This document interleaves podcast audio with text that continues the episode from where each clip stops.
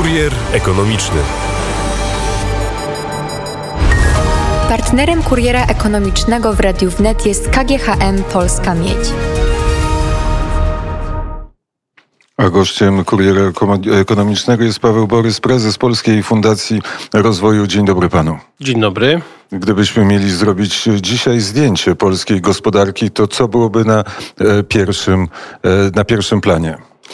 No przede wszystkim po tym okresie takich bardzo dużych wahań, koniunktury w okresie pandemii i później wybuchu wojny, najważniejsze, żeby ustabilizować e, gospodarkę, obniżyć inflację, ale jednocześnie cały czas e, utrzymując wzrost gospodarczy.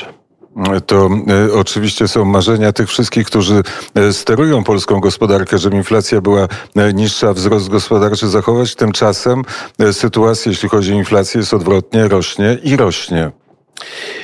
Natomiast w ostatnich tygodniach y, widać już y, z danych y, z gospodarki, że jest szansa, że szczyt inflacji wkrótce przed nami, być może będzie to wrzesień, październik. Wskazują na to już spadki na giełdach światowych cen ropy, stabilizacja cen wielu surowców, pierwsze spadki na przykład cen pszenicy i z pewnym opóźnieniem e, przy jednak e, słabnącej w tej chwili e, konsumpcji, wysokich, e, wysokim oprocentowaniu kredytów i spadku tych kredytów w sektorze bankowym, przyniesie to pewnie wkrótce efekt w postaci rozpoczęcia no, tego trendu spadku inflacji. Mi się wydaje, że w przyszłym roku ten spadek dynamiki inflacji może być nawet silny. E, silny, gdybyśmy się mieli pokusić o prognozę w nieprzewidywalnym e, świecie, to znaczy inflacja będzie wynosiła 5%, 7% w przyszłym roku?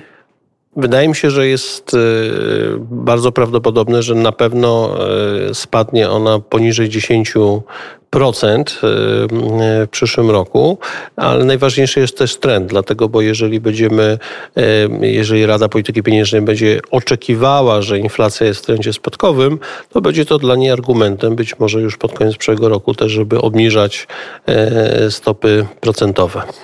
E, wysokie e, stopy, wysoka inflacja, wysokie stopy procentowe, e, niska opłacalność kredytu, to może się przekładać na inwestycje, a te z kolei na wzrost gospodarczy.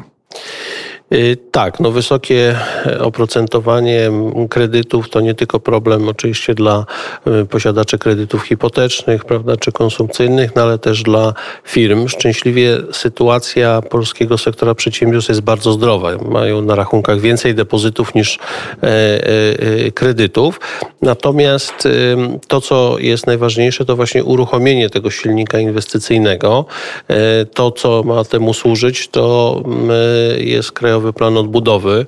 Dobrze, że doszło tutaj do porozumienia. Polski Fundusz Rozwoju jest odpowiedzialny za rozpoczęcie wdrożenia e, KPO. Spodziewamy się tego w lipcu i przy słabnącej takiej konsumpcji e, pobudzenie inwestycji w przyszłym roku ma zapewnić to, że w Polsce ten wzrost gospodarczy cały czas będzie e, na plusie.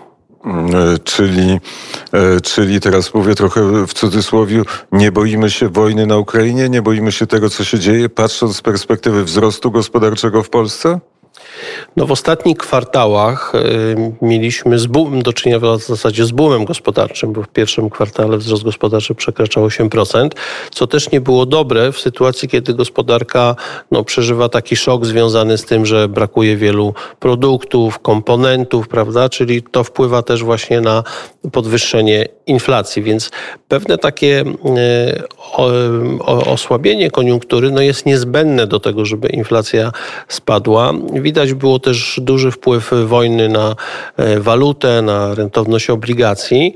Natomiast e, w miarę jak e, polska gospodarka będzie pokazywała jednak swoje silne fundamenty, które ma, to jestem przekonany, że właśnie w przyszłym roku możemy mieć szansę na taką stabilizację przy trochę niższym wzroście, że właśnie niższa inflacja, początek obniżek stóp procentowych, spadek rentowności obligacji, ustabilizowanie złotego, chociaż te najbliższe miesiące jeszcze mogą być pod znakiem cały czas sporych wahań. Ale e, pan e, prezes e, Paweł Borys, prezes Polskiego Funduszu Rozwoju, gość Kuriera Ekonomicznego, mówi pan inaczej niż na przykład eksperci Wielkiego Inwestycyjnego Banku Goldman Sachs, którzy mówią o tym, że spodziewają się, że, że na świecie, nie tylko nie w Polsce, ale na świecie będzie recesja i co wtedy Polska będzie i tutaj zieloną wyspą? Rzeczywiście na świecie jest bardzo duże w tej chwili zagrożenie recesją w przyszłym e, roku. E, wiąże to się właśnie ze wzrostami stóp procentowych i działaniami Rosji, które, która podbija ceny surowców po to, żeby e, no, uderzyć w gospodarki europejskie i Stanów Zjednoczonych. Stąd chociażby obecne spotkanie liderów grupy G7, tych najbardziej uprzemysłowionych państw, głównie poświęcone jest temu, aby właśnie ustabilizować stabilizować gospodarkę pomimo tego i obniżyć ceny tych e, surowców. Więc e, e, polska gospodarka jest na tyle elastyczna i, i, i silna, że moim zdaniem uniknie recesji w przyszłym roku. Czyli ja obstawiam taki scenariusz miękkiego lądowania. Ten wzrost gospodarczy może będzie niższy, około bardziej 2% PKB, ale wydaje mi się, że recesja nam nie grozi. Ale jeżeli jest y, mniej więcej 10% e, inflacja, wzrost PKB 2%, to znaczy, że jest 8% obniżenie produkcji? Nie, bo mówimy tutaj o dwuprocentowym wzroście PKB już realnie. E, nominalnie z uwzględnieniem inflacji to będzie ponad 10% e, wzrost. W innym przypadku rzeczywiście mielibyśmy do czynienia z jakimś poważniejszym kryzysem. Natomiast to, co chyba jest najważniejsze, to mm, ponieważ mamy drugie najniższe bezrobocie w Unii Europejskiej i widać, że tych rąk do pracy cały czas brakuje, to pomimo nawet tego spowolnienia gospodarczego, to co nie, nie powinno nam grozić, to właśnie wzrost bezrobocia, a y, ten problem zatrudnienia cały czas jest widoczny na południu Europy czy w zachodniej Europie, gdzie stopa bezrobocia jest dwukrotnie wyższa niż w Polsce, a w niektórych krajach takich jak Hiszpania y, cały czas przekracza 15%. Ale żeby zrozumieć, na czym polega ta elastyczność polskiej gospodarki? Dlaczego ta polska gospodarka ma się inaczej zachować nawet w przypadku światowej recesji? Po pierwsze, nie jesteśmy gospodarką, która opiera się o wiele sektorów. Nie jesteśmy tak bardzo mocno uzależnieni od jednego sektora, nie wiem, czy surowcowego, czy rynku nieruchomości, prawda? Czyli no, jesteśmy taką gospodarką, która jakby no, ma wiele tych dźwigni e, e, rozwoju i silny przemysł, i usługi. Mamy dość duży rynek e, wewnętrzny. Nasz eksport też jest dość różnorodny, bo to nie są już w tej chwili tylko, znaczy nie jest dominowany tylko przez Niemcy, chociaż są naszym największym partnerem, ale polscy eksporterzy też mm, sukcesami odnajdują się na innych rynkach. Mamy w końcu elastyczny kurs walutowy, czyli nawet jak jest troszeczkę gorzej, to ten złotówka, która się osłabia, oczywiście ona nie jest dobra dla importerów, ale pomaga też eksporterom, e, co też stabilizuje wzrost e, E, gospodarczy. No i też polityka e, rządu, e, która polega na tym, żeby obniżać podatki na żywność, na paliwa, czyli chronić nasze dochody przed skutkami inflacji, czy no mamy w ramach Polskiego Ładu no potężną obniżkę jednak podatków dla większości pracowników, większości podatników to będzie powodowało, że e, pomimo słabnącej koniunktury, e, jednak ten wzrost gospodarczy powinien być cały czas pozytywny. Powiedział pan, będzie e, pozytywny, dlatego że jest Krajowy Plan Odbudowy i powiedział pan, że PFR przy, zaczyna pracę z Krajowym Planem Odbudowy już w lipcu, ale przecież w lipcu nie będzie tych pieniędzy, a ci, którzy są pesymistami, a są tacy w Parlamencie Europejskim, którzy twierdzą, w EKR-ze, oczywiście politycy Prawa i Sprawiedliwości, którzy twierdzą, że tych pieniędzy w ogóle nie będzie. To Polsce udało się y, wynegocjować bardzo korzystne warunki uzyskania tych środków, ponad 100 miliardów w dotacjach, oprócz tego kilkadziesiąt potencjalnie miliardów, czy nawet więcej w, w liniach tanio, nisko oprocentowanych liniach kredytowych. Więc w naszym interesie jest to, żeby te środki e, możliwie szybko e, wykorzystać. Natomiast rzeczywiście e, plan odbudowy nie jest łatwym programem. Większość większość krajów, które z niego korzysta, ma tam po 200 albo 300 różnego typu warunków, więc do spełnienia, żeby uzyskiwać kolejne transze finansowania. Dlatego w Polsce wdrażyliśmy taki mechanizm, rząd podjął decyzję aby Polski Fundusz Rozwoju zabezpieczył finansowanie KPO, czyli nawet gdyby były pewne opóźnienia w napływie środków e, ze strony Unii Europejskiej, e, wszystkie podmioty, które realizują inwestycje w ramach KPO mogą czuć się bezpiecznie, bo my odpowiadamy za to, żeby zapewnić wtedy finansowanie i już w tej chwili nie czekamy jakby na te pierwsze raty, tylko chcemy jak najszybciej uruchomić te inwestycje, żeby te pieniądze rzeczywiście jak najszybciej płynęły już do gospodarki. A skąd y, PFR ma pieniądze? W tej chwili dysponujemy taką nadwyżką kilkunastu miliardów złotych, która pochodzi ze spłat środków z tarczy finansowej, bo tarcza finansowa podczas pandemii była tak skonstruowana, że to były subwencje, ale około jednej trzeciej podlegała zwrotowi, bo umorzenie zależało od tego, czy firma miała straty, mała, średnia, czy utrzymała pełne zatrudnienie. No i te średnio umarzamy dwie trzecie. Jedna trzecia e, podlega zwrotowi, to jest ponad 25 miliardów złotych. W tej chwili mamy wolne środki, które tak właśnie na potrzeby zapewnienia bieżącej płynności e, realizacji Krajowego Planu Odbudowego możemy przeznaczyć, a później oczywiście jak te środki e, z Unii Europejskiej będą napływały, no to będą one nam wtedy zwracane. Patrzymy na e, dzisiejsze wydanie e, Rzeczpospolitej. Kilka bardzo krytycznych artykułów. Nie wiem, czy pan e, zdołał i zdążył już przeczytać, ale kilka krytycznych artykułów na temat CPK, Centralny Port Komunikacyjny, Białe Słonie RP, czyli takie, takie wielkie inwestycje, które mają się nie opłacać albo są źle przygotowane i dzisiaj Rzeczpospolita zajmuje się CPK. To jak to jest z tym CPK?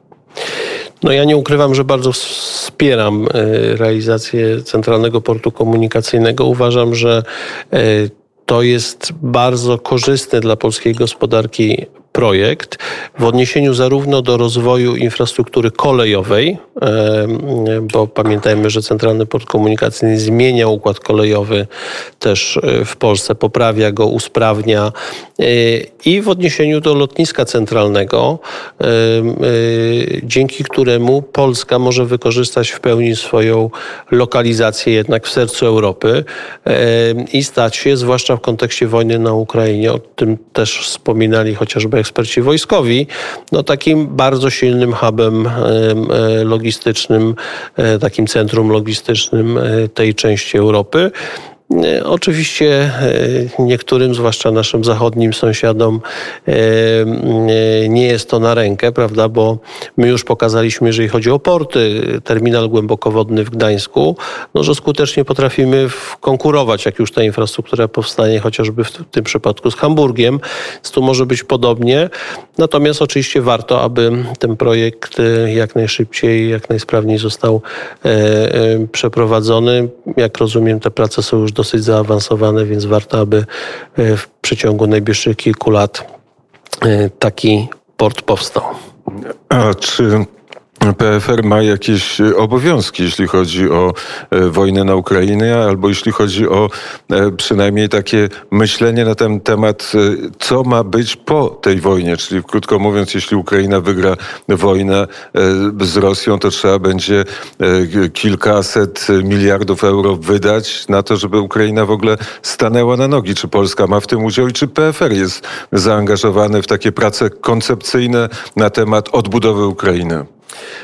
No my przede wszystkim, przede wszystkim koncentrujemy się na, na polskiej gospodarce.